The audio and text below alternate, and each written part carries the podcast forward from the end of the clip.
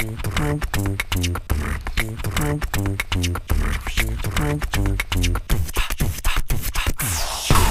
what's up guys? Uh, ini Ragu Lewi. Bersama Denny Gamadi. Kita ketemu lagi di Let's Talk About Church podcast. Yes, because church is you. So, uh, episode ini kita bakal bicara soal apa sih, Den? Wow, tentang struktur mempertahankan Hmm. sistem di gereja yang very kompleks dan sangat useful atau membela manusianya. Oh, structure versus people. People. Jeng jeng jeng.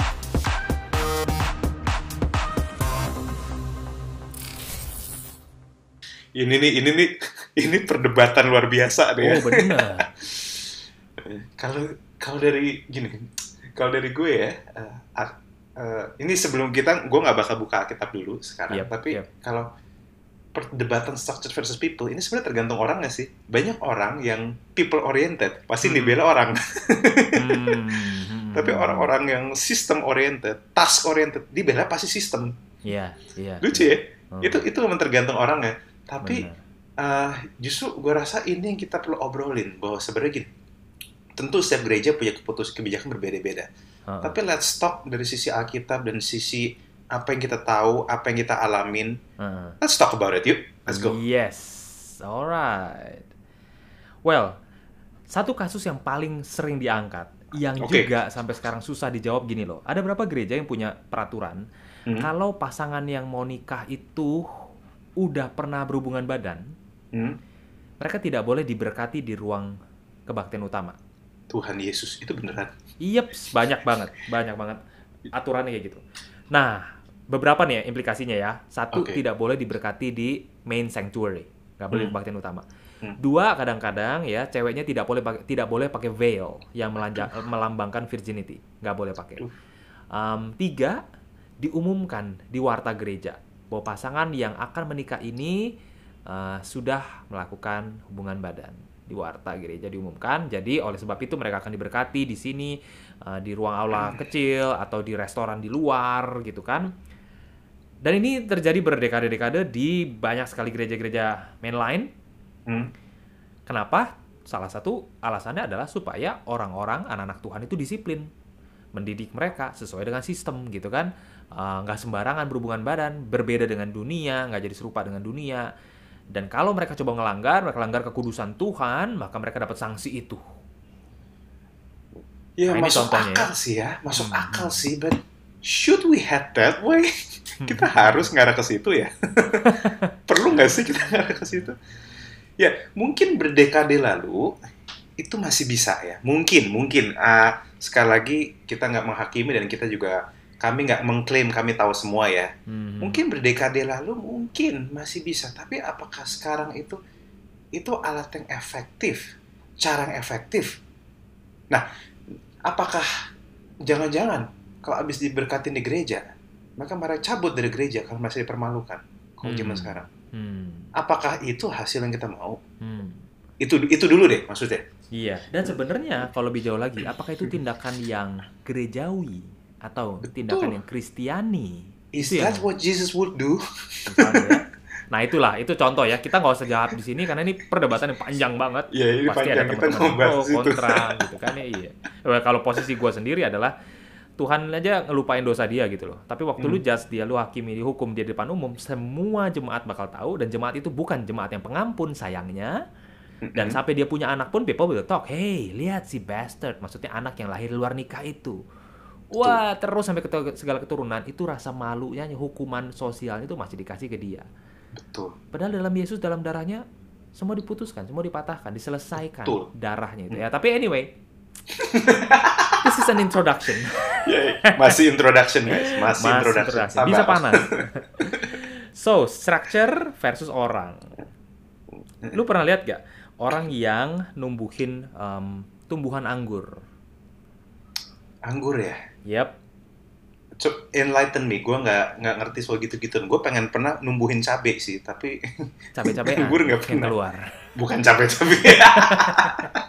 Oke, oke, coba coba, please please. Nah, si anggur itu kan batangnya nggak- kuat ya.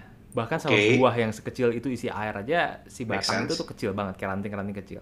Make Maka sense. selalu biar eh, anggur ini bisa bertumbuh lebat, itu Mhm. ah, tumbuhan ini tuh menjalar.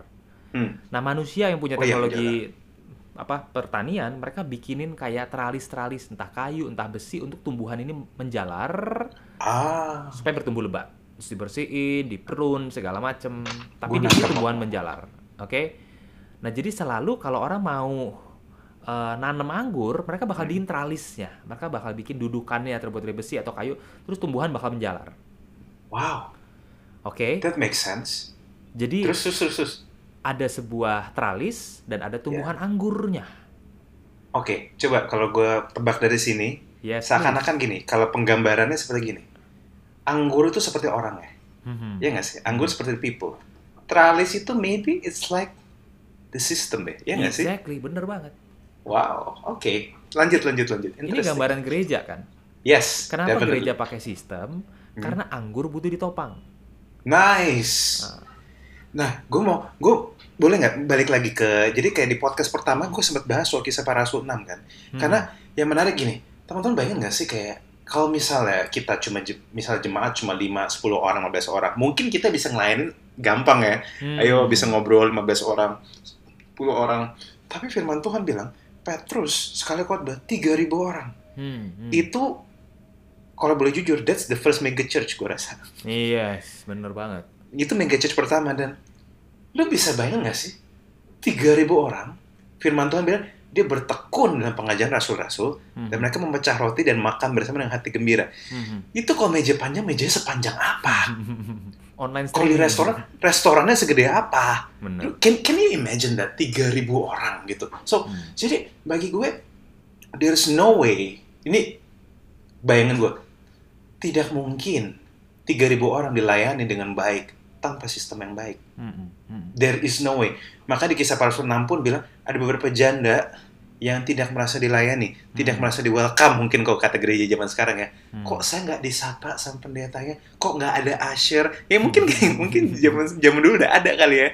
Ya yang kayak gitu-gitu. Nah makanya mungkin para rasul pun mulai bikin sistem kecil-kecilan bahwa Ya. sekarang kita bagi beberapa orang ini khusus melayani meja makan, ini ini kita ngajar aja deh gitu. Hmm, hmm, I think that's really interesting. That's interesting Benar. concept. Ada yang Nah. teaching people, ada Ya. yang ministering people. Jadi dan Hmm. which is dua-duanya sama-sama penting. Bener. Jadi sebenarnya kita menyadari bahwa sistem itu justru kalau mau dibalikin ke analogi yang tadi ya, Ah. dan sistem itu sangat penting karena justru tanpa sistem si anggur-anggur itu justru akan layu. Ah, Anggur-anggur ini akan justru akan tidak bertumbuh dengan baik. Iya. Anggur-anggurnya justru dia akan sulit untuk bisa bisa bertumbuh dengan maksimal. Bener, harus ditopang. Harus ditopang. Wow. Tapi kalau misalnya ada pertumbuhan yang terhambat gara-gara bentuk si tralisnya salah, mana yang harusnya dipotong? ya tralisnya lah, Tralisnya dong. nggak? lah. Oke. Iya. Terus yang kedua, itu tadi ya pertama, kalau anggurnya itu kehambat pertumbuhannya gara-gara bentuk tralisnya salah. Let's say dia ada spike atau ada karat, atau gua nggak tahu lah ada apa. Hmm. Mestinya yang dimodif adalah si tralis. Tralis ya. Exactly, bukan si Betul. buahnya. Kedua, waktu lu sebagai tuan rumah nunjukin Hmm. ke orang lain taman anggur lu, yang lu pamerin tralis lu atau buah-buahan lu, Ya buah lah cumi. harusnya buahnya dong. yes. Atau lu bakal bilang, eh lihat ya tralisnya ini gua ini loh, gua weld pakai tangan import. sendiri, gua ukir. Ini besinya bagus loh pakai vibranium. Buset dah. Jadi seharusnya tolok ukur keberhasilannya buah yang paling berhasil itu si buah kan, bukan si tralis. Beautiful. Analogi yang bagus banget. Lanjut Tapi lihat terus terus. Gereja sekarang yang dipamerin tuh tralisnya. Maksud gue apa tralis itu?